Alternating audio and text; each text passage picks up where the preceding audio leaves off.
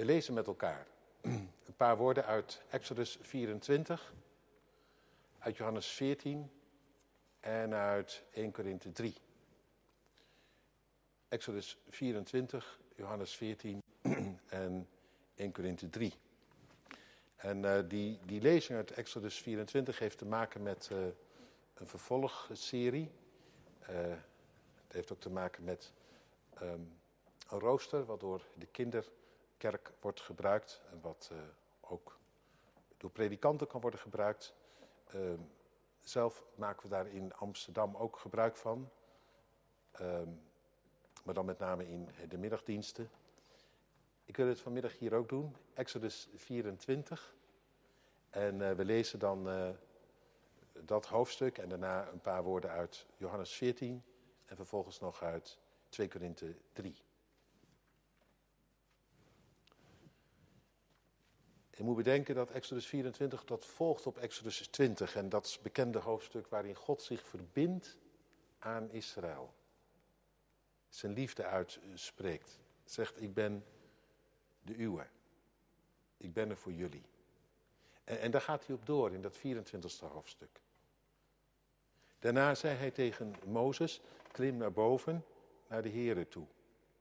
U en Aaron, Nadab en Abihu en 70 van de oudsten van Israël. En buig u op een afstand neer. Alleen Mozes mag tot de Here naderen. Zij mogen echter niet naderbij komen. En ook het volk mag niet met hem naar boven klimmen.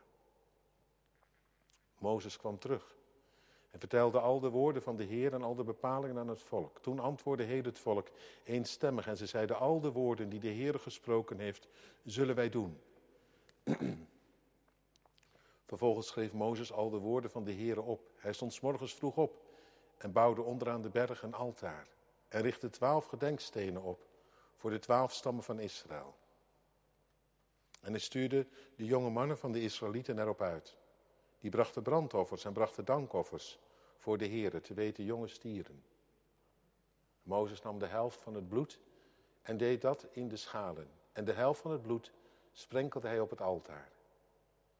Hij nam het boek van het verbond en las dit ten aanhoren van het volk voor. En ze zeiden, alles wat de Heere gesproken heeft, zullen wij doen en hem gehoorzamen.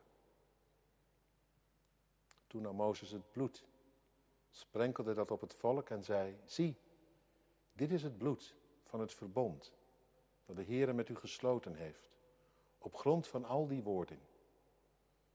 Vervolgens klommen Mozes en Aaron naar boven en ook Nadab en Abihu met zeventig van de oudsten van Israël. En zij zagen de God van Israël. Onder zijn voeten was er iets als plaveisel van saffier, zo helder als de hemel zelf. Hij strekte zijn hand echter niet uit naar de aanzienlijken van de Israëlieten. Dat betekent dat ze niet werden gedood. Nadat ze God gezien hadden, aten en dronken ze. De Heere zei tegen Mozes, klim naar boven, naar mij toe, de berg op en blijf daar. Dan zal ik u de stenen tafelen geven, de wet en de geboden die ik opgeschreven heb om hen te onderwijzen.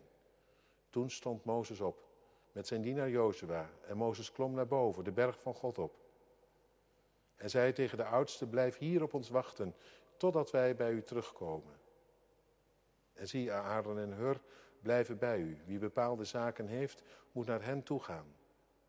Toen Mozes de berg opklom, bedekte de wolk de berg. De heerlijkheid van de Heere bleef op de berg Sinai rusten. En de wolk bedekte hem zes dagen lang. Op de zevende dag riep hij Mozes vanuit het midden van de wolk. De aanblik van de heerlijkheid van de Heer op de top van de berg was in de ogen van de Israëlieten als een verterend vuur. Mozes ging de wolk binnen en klom de berg verderop. En Mozes was veertig dagen en veertig nachten op de berg.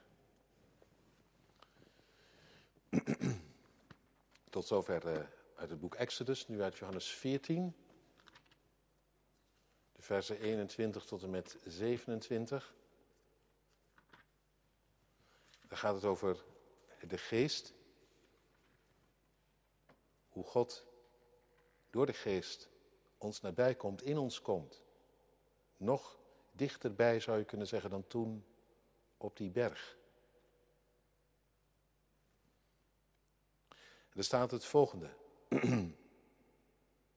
Ik lees vanaf vers 20. Op die dag zult u inzien dat ik in mijn vader ben en u in mij en ik in u. Wie mijn geboden heeft en die in acht neemt, die is het die mij lief heeft. En wie mij lief heeft, hem zal mijn vader lief hebben en ik zal hem lief hebben. En mijzelf aan hem openbaren. Judas, niet Iscariot, zei tegen hem, Heer, hoe komt het dat u zichzelf aan ons zult openbaren en niet aan de wereld? Jezus antwoordde en zei tegen hem, als iemand mij lief heeft, zal hij mijn woord in acht nemen en mijn vader zal hem lief hebben en wij zullen naar hem toekomen en bij hem intrek nemen. Wie mij niet lief heeft, neemt mijn woorden niet in acht. En het woord dat u hoort is niet van mij, maar van de Vader die mij gezonden heeft. Deze dingen heb ik tot u gesproken, terwijl ik bij u verblijf. Maar de trooster, de Heilige Geest, die de Vader zenden zal in mijn naam, die zal u in alles onderwijzen en u in herinnering brengen. Alles wat ik u heb gezegd. Tot zover uit het Johannesevangelie en dan nu nog een paar woorden uit 2 Korinthe 3, waarin Paulus herinnert aan het gebeuren waar we net van hebben gelezen. Hoe Mozes uh, de wolk binnenging, de heerlijkheid van God hem zo omstraalde dat God zelf van zijn gezicht afstraalde, die heerlijkheid. En um, dat heeft ook betekenis voor ons. Het heeft ook alles te maken met de geest die ons is gegeven. Dus de dingen komen eigenlijk een beetje bij elkaar in dat uh, 2 Korinthe 3. Wordt zelfs gezegd in dat, in dat gedeelte dat, uh, dat Mozes een soort sluier moest voordoen, omdat de glans was zo schitterend dat het ja, niet was te zien. Je, je raakte bijna verblind. Het licht van God straalde van zijn gezicht. En dan staat in vers 17, de Heere nu is de geest. En waar de geest van de Heer is, daar is de vrijheid. Wij allen nu, die met ongedekt gezicht de heerlijkheid van de Heer als in een spiegel aanschouwen, worden van gedaante veranderd naar hetzelfde beeld, van heerlijkheid tot heerlijkheid. Zoals dit door de geest van de Heer wordt bewerkt. Tot zover.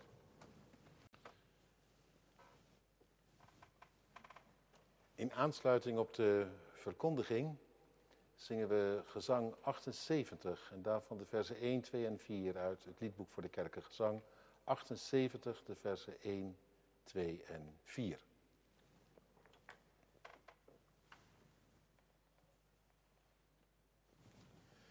Gemeente van Christus, broeders en zusters. Een liefdesrelatie is niet in één keer rond, maar die ontwikkelt zich gaandeweg. De eerste keer dat je van die ander hoort, ik hou van jou, en jij dat beantwoordt met, ik ook van jou, is natuurlijk een overweldigende ervaring. Een moment dat je niet meer vergeet. En met dat je je zo uitspreekt naar elkaar, wordt alles anders. In één keer. Je omhelst elkaar.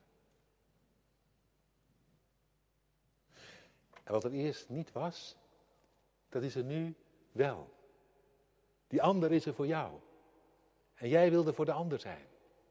Je hoort bij elkaar. Door dat ene woord, over en weer. Maar natuurlijk, ja, dat weet iedereen, daarmee is het niet klaar. Het is het begin nog maar.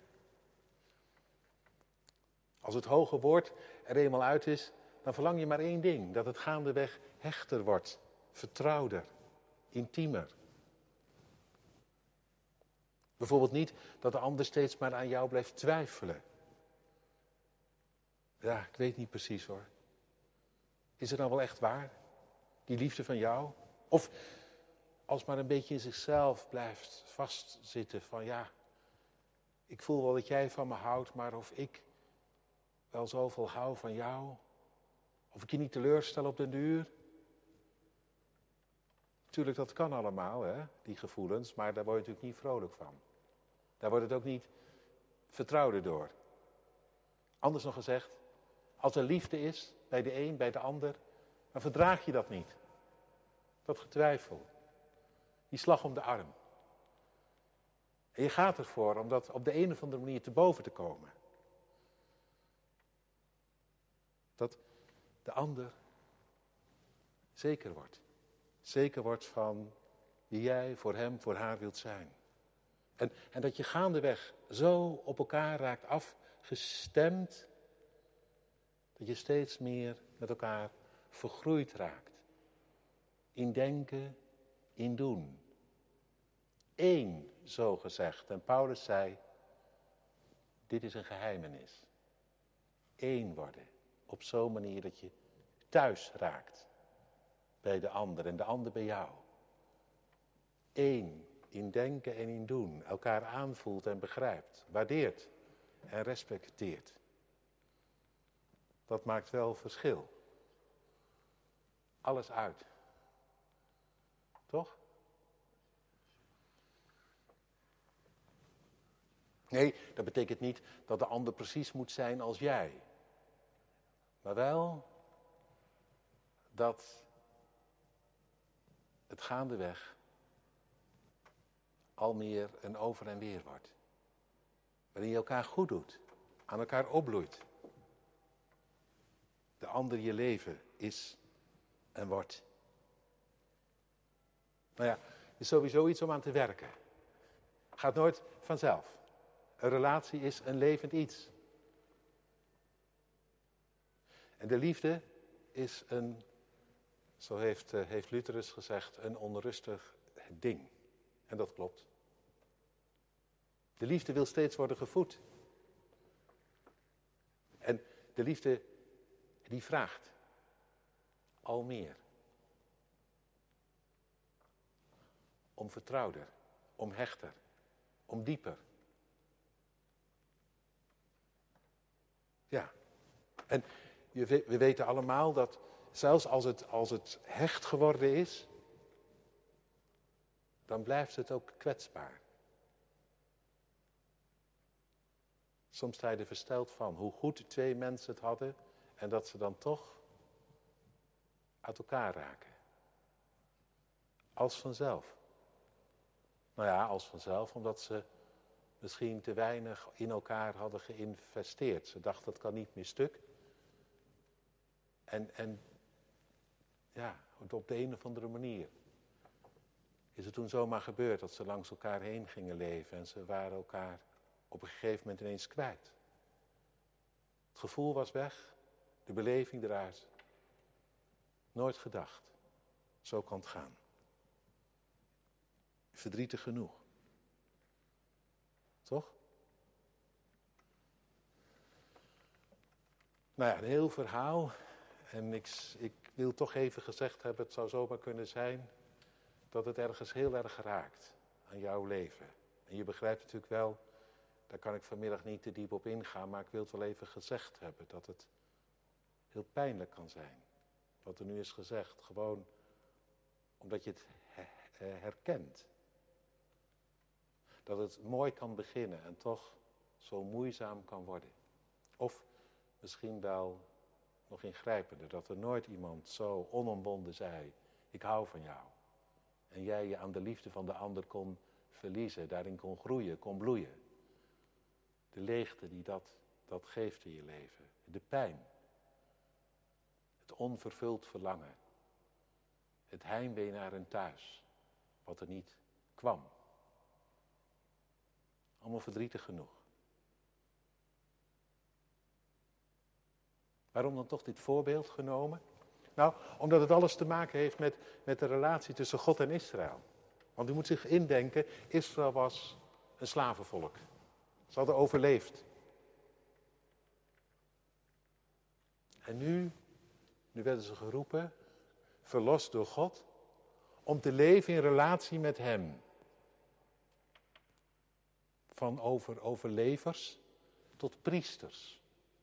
Zo staat het hè, in het 19e hoofdstuk. Jullie zijn een volk van priesters. Althans, dat zie ik voor ogen. Dat wil ik van jullie maken. Dat betekent toegewijd aan Hem. Helemaal thuis bij God. Op zo'n manier dat je in denken en doen één wordt met Hem. En zo dan leeft in de wereld. Om daar tot zegen te zijn. God te leven, zo gezegd. Te midden van de volkeren. Dat het van je gezicht afstraalt. Dat je thuis bent bij God. Dat. Nou, was nog wel even een dingetje, dat begrijp je wel. Wel even een andere wereld, een andere manier van leven. En, en u was in dat twintigste hoofdstuk, ja, daar was dat eerste moment geweest. Voor het eerst hadden ze van God zelf vernomen. Daarvoor via die Mozes, de stem van God gehoord. Maar nu, bij de Sinaï, wat een moment. Zijn eigen stem. Hij was verschenen. Een overweldigende openbaring van God. Horen en zien vergingen je even. Maar daar middenin, ineens die stem vanuit zijn hart. Zo liefdevol. Ik ben de ik ben die ik ben. Uw God. Prachtig hè? God die zich in dat woord helemaal weggaf. Geen God uit de hoogte, maar één die zegt, ik ben er voor jou, van jou. Ik sta tot jouw beschikking. Je kunt op me aan. Ik ben die ik ben, zo trouw als wat. En later zal hij die naam uit de doeken doen, gaandeweg. God, barmhartig, genadig, geduldig, groot van goedheid en trouw, die vergeeft. Zo goed. Wat een man. Ik heb u getrouwd, zei hij later bij monden van Hosea. Nou, je zal er zo een trouwen, zeg. Of anders nog gezegd, zo een zal jou trouwen. Onvergetelijk. Je zou denken, ze weten niet wat ze meemaken. Dat God zich zo uitspreekt. Nou, dat weten ze ook niet. En tegelijk, tegelijk. Ja, bevang te schrikken. En dat staat er, hè. Dat lezen wij natuurlijk meestal niet. We, we stoppen naar de tien geboden. Maar als je het zou lezen, daarna, in het twintigste hoofdstuk. Dan denk je, hoe is dat nou toch mogelijk? Heeft God hen de liefde verklaard? Dan schrikken zij ervoor terug. Er staat dat ze sidderden. Sidderen? Dat is eigenlijk niet zo raar. Kijk, want God kan wel alles voor hen willen zijn. Met al de liefde van zijn hart. En hij kan wel verlangen dat zij zich dan helemaal aan hem geven. En nooit meer links of rechts naar andere goden zullen kijken. Ik, de ik ben die ik ben, uw God. En nu geen andere goden meer, hè? Voor mijn aangezicht. Helemaal van mij, voor mij. In denken en doen. Wij voor goed samen. Jullie als ik. Net zo goed en trouw. en liefdevol. En rechtvaardig. Dat. Want dat zijn de tien geboden. Hè? Dat zijn niet een paar uh, harde regels. Dat is het hart van God. Dat is het goede leven. Dat is dat je elkaar alleen maar goed doet en geen kwaad. En dat je, dat je alles hebt met Hem. En zegt, ik wil van u wezen, u kennen. Niet met mijn eigen idee, maar helemaal thuis zijn bij u, zoals u bent. Dat. Ja, dat kan God wel willen. Maar voel je aan dat je zomaar terugschrikt? Zoveel liefde. En dat jij dan helemaal aan die liefde zou moeten verliezen? En dat er geen ruimte meer is?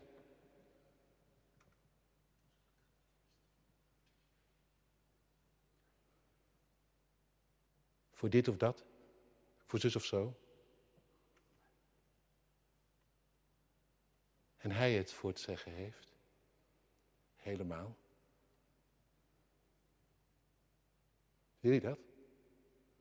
Of schrik je terug? Hou je ineens een slag om de arm en siddert je misschien wel als Israël. Ze ontmoet hem voor het eerst, de levende, in vuur en wind en storm. Het zou zomaar kunnen zijn dat ze het gevoel hebben gehad, ja God, maar dat hart wat u voor ons hebt, dat hebben wij zomaar niet voor u. Het zou wel eens op een grote teleurstelling uit kunnen lopen. Dat wij u teleurstellen op zo'n manier dat u het op een dag met ons gehad hebt. En dan wordt die hele relatie van u met ons eerder onze, onze dood dan dat de toekomst in zit. Ze schrikken terug. Is niet gek. Ik denk dat je het herkent als je heel eerlijk bent. Ja, de liefde van God, natuurlijk, die willen we allemaal geliefd worden. Maar als hij dan zegt, ik geef me aan jou en ik wil jou, met al de liefde van jouw hart voor mij, is het zomaar te veel. Deins je zomaar achteruit. En dan zeggen zij daar in de, in de woestijn Israël, Heer, alstublieft. Uh, nee, zeggen ze niet tegen de Heer, zeggen ze tegen die Mozes. Uh, Mozes, alsjeblieft. Spreek jij met God, jij mag dat hele hechte hebben, maar uh, wij doen het dan wel via jou. En zegt Mozes, nee, niet bang zijn, niet bang zijn. Niet bang zijn voor hem die aan jullie verscheen. Die naar jullie omzag, die jullie uitredde. Die zijn hart aan jullie geeft, niet bang zijn, want hij, hij is erop uit. Nee, niet om, om, om, om je de maat te nemen en op een dag met je af te rekenen. Hij is erop uit om vrezen te wekken. En dat is wat anders dan angst. Dat is vertrouwen. Dat je al meer in ontzag je toevertrouwt aan Hem. Hem al hoger krijgt, zo gezegd. En daarbij leeft. Bij wie Hij is. Voor jullie. En zo thuis raakt bij Hem, staat erbij hè, in dat twintigste hoofdstuk, dat je niet zondigt. Dat betekent dat je het kwaad achterlaat en helemaal vertrouwd raakt met dat goede. Wat Hij met jullie voor heeft. En zo, zo zult worden wat Hem voor ogen staat. Een volk om te zoenen. Een volk dat, dat, eh, dat gaat voor het goede, zoals hij er voor ging en gaat. Zoiets. Een volk van priesters, toegewijd aan hem, om het zijne te leven in de wereld. Dat, prachtig verlangen van God. Nou ja, het staat nog te bezien. Of Israël dat haalt, zo'n hechte relatie. Maar dat is het waar de Heer voor ging, voor gaat. En nu dat 24e hoofdstuk. Intussen zijn de geboden gelezen. De manier van leven. En als je die hoofdstukken leest, vers 21 tot 23, dat is echt prachtig. Echt waar. Dat zou je eens moeten doen voor de aardigheid. Prachtig. Dat is de bergreden, maar dan in oud-testamentische vorm. Dat is dat je alleen maar gaat voor het goede. En dat je elkaar niet vergeldt bij kwaad, maar dat je het vergoedt als het nodig is. En dat je shalom leeft, over en weer. En dat je elkaar op geen enkele manier onderuit haalt. Maar net zo goed bent voor elkaar als dat God is voor jou. Dat. Staat er allemaal hoor, kun je helemaal nalezen. En dat heeft gewoon handen en voeten en ogen en oren. Dat komt tot uiting in het leven van elke dag. Nou ja, dat is nogal wat, hè? Kom je uit Egypte? Dat is even wennen hoor, om zo afgestemd te raken. Als je altijd een beetje met je elleboog hebt gewerkt en, en net aan het overleefd en een hard bestaan achter de rug hebt waarin uh, heel weinig zeg maar, ruimte was voor, uh, voor al die gevoelens en gedachten. De Heere gaat erop door. Daarna zei hij tegen Mozes, ja wat zei hij? Kom, kom nog eens dichterbij. Als vertegenwoordigers van het volk, ja met die 70 oudsten. En het eerste wat hij, wat hij dan zegt, dat is apart. Uh, niet zomaar doorlopen. Even blijven staan, even inhouden. Ja, maar God wil toch nabijheid, jawel. Maar wel op de goede manier, in de goede verhouding. Hier wordt omgang geleerd, omgang met God. Even inhouden. Doe jij dat nog wel eens? Als je bidt?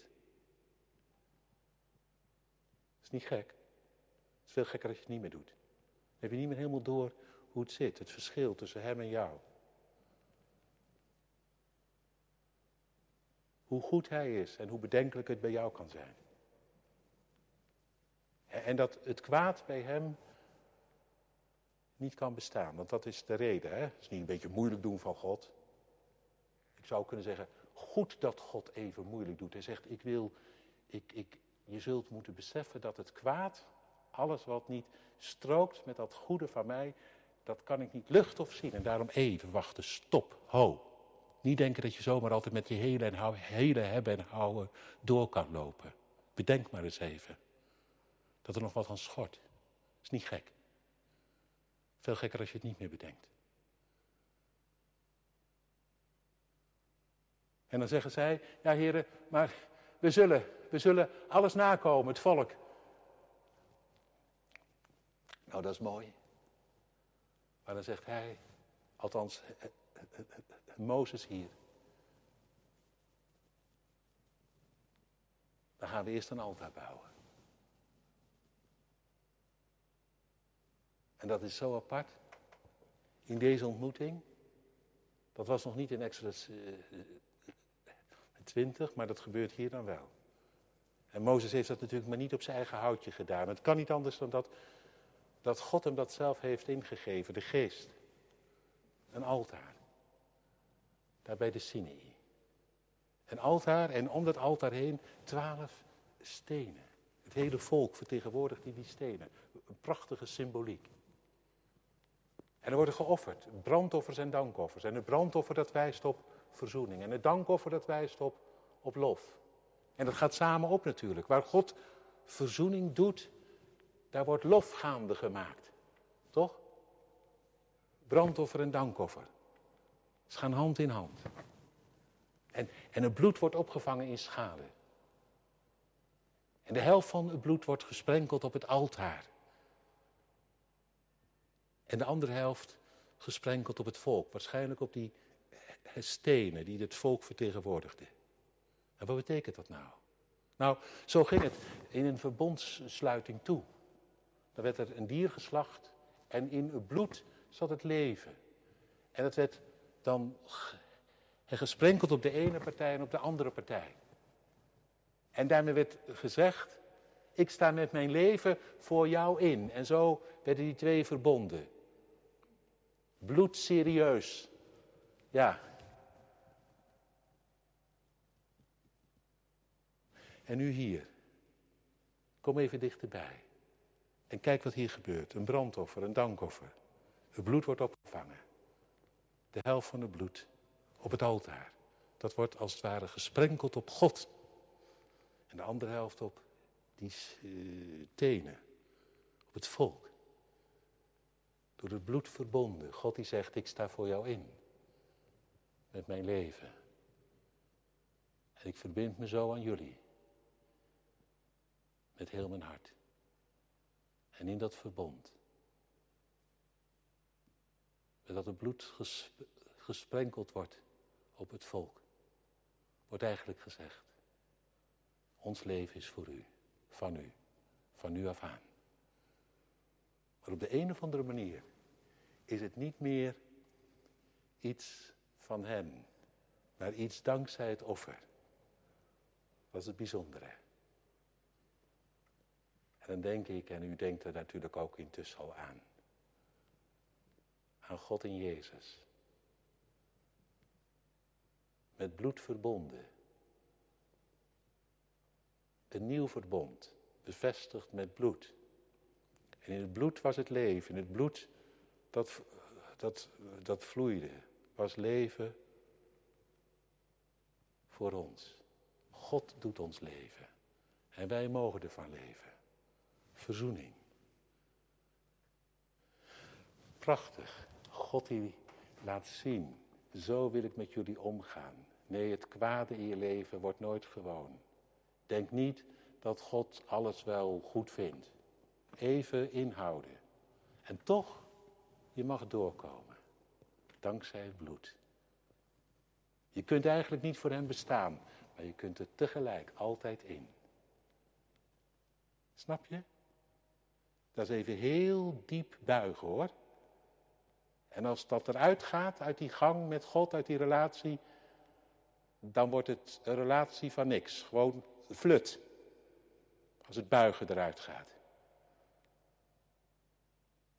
Maar tegelijk, je hoeft daar niet te blijven uh, uh, staan op afstand. Alsof het altijd tekort is. En je niet terecht kunt. Je mag doorkomen. Dankzij het bloed. En kijk, kijk wat er dan gebeurt. Hier. Dan ineens, daar midden in dat hele, hele ritueel, zeggen ze het nog een keer. We zullen doen, alles wat u gezegd hebt. Ja, dat deed de liefde. En dat doet de liefde. Niet de zweep maakt ons trouw en gehoorzaam. Maar de liefde, die doet zeggen. Als u zich zo geeft aan mij, als ik zo bij u terecht kan, dan wil ik er zijn voor u. Dan mag u mij hebben. Mijn hele bestaan. En later zou Jezus het zo zeggen. En dat je blijft in mijn liefde. Blijf ik in jou. Ga je vruchten dragen. Raak je afgestemd. Al meer op Christus zelf. Zo werkt dat, hè? In denken en doen. Met dat je blijft in zijn liefde. Zijn liefde in mij. En dan krijg je de vruchten van de geest. Moet je zien wat er dan rijpt. Van God, dat begint dan te groeien en te rijpen in jouw bestaan. Liefde, blijdschap, vrede, goedheid, geduld, trouw, zelfbeheersing. Krijg je Jezus ten voeten uit. Het beeld van God begint zomaar van je leven af te stralen. In doen en laten. Zie je hoe het werkt? In de omgang met Hem. Als je buigt en door mag komen uit genade. Hoe zijn liefde dan begint te leven in jou. En in dit hoofdstuk gaat het nog één stap verder. Want met dat dat hele ritueel is gebeurd, zegt de Heer, kom nog eens dichterbij. Ja, dat hoorde bij een verbondssluiting in die dagen. Dat werd dan gevierd, of anders nog gezegd bevestigd en gevierd met een, een maaltijd. Gingen de beide partijen aan tafel, met elkaar. Om die verbinding, die verbondenheid eens te meer met elkaar te beleven. Kom eens Kom eens door, zegt de Heer. Kom nog eens even verder. Gaan we samen eten, drinken. Jullie en ik. Aan één tafel. Dan staat er iets wat niet kan. Dan staat er echt iets waarvan je denkt, hoe is het mogelijk? En zij zagen de God van Israël. En staat er gelijk bij, hij strekte zijn hand niet uit. Dat betekent, ze gingen er niet dood aan. Integendeel. Onder zijn voeten. Ja, het werd hemel, saffier, doorschijnend. Het is niet eens goed te benoemen. Zijn voeten. Ik denk dat ze zo overweldigd zijn geweest. Ze hebben gebogen. Niet zijn gezicht gezien, zijn aangezicht, dat was te veel. Zijn voeten, maar intussen heel dichtbij. Ze zagen de God van Israël en zaten samen aan één tafel. Verbondenheid tot en met, meer dan ooit. Ongelooflijk. Toen en daar. Maar weet u, nog veel meer. Ook nu. Dat van toen is slechts voorspel van wat u en ik ervaren. Weet u dat? Nee, dan denk ik niet gelijk aan het avondmaal. Ik denk aan iets anders. Aan de inwoning van de geest. Die geest die ons gegeven is. Die niet alleen maar even langskomt waaien om ons een duwtje in de goede richting te geven.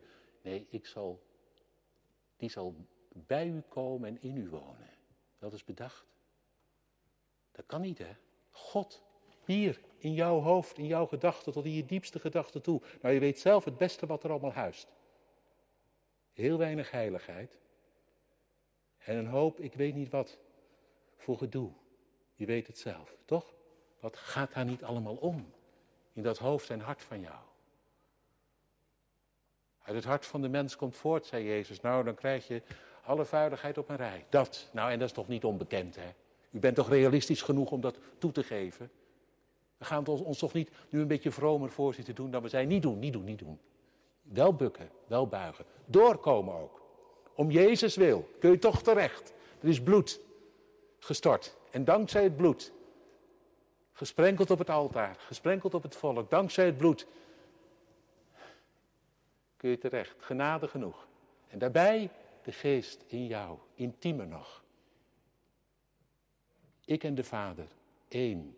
En wij, zo lazen we, in u. En u in ons. Onder dak, dat komt hij. De woorden die rollen over elkaar heen in dat veertiende hoofdstuk. Het is ook amper te benoemen. Maar intussen gebeurt het. God in mij, in die, nou ja, die wirwar van gedachten. Het combineert niet. En toch wordt het niet je dood. Het belooft je leven. Dat hij tot in het diepst van jouw gedachten toe zich aan jou verbinden wil. En met u en mij in de weer wil zijn. Dat vind ik zo apart. Daar kom ik nooit over uitgedacht. Het duizelt me. God zo dichtbij. En dat u in uw liefde, met zoveel geduld, steeds maar wil doorwerken. In die dwarse, taaie gedachten van mij. Net zo lang, totdat het er wat op gaat lijken. Al meer op uzelf. Ik steeds meer van u krijg, in mijn denken, in mijn doen. Wat een intimiteit, hè? Groeiende verbondenheid. U één met mij, ik één met u. En dan staat erbij, ja, dan doe je zijn gebod. Dat is niet een soort voorwaarde. Dat is een uiting. Raak je helemaal zo met hem vertrouwd dat je alleen nog maar het zijne doet. Het kwade voorbij.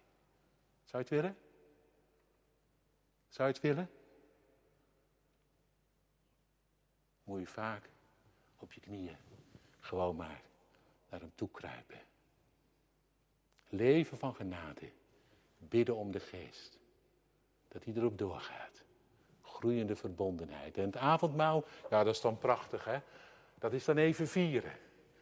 Eens te meer, samen met hem. Vieren. Dat je verbonden bent. Samen mag je leven van dat ene geheim dat hij zich gaf. En jij daarvan mag leven. En dat is nodig, hè? Ik ga daar nou verder niet meer op in. Maar ik wil het wel even gezegd hebben. Dat is verschrikkelijk hard nodig, dat je steeds weer terug laat roepen. Want je bent zomaar weg hoor. Zoals een relatie die prachtig begint. Op niks uit kan lopen als je elkaar een poosje verwaarloost.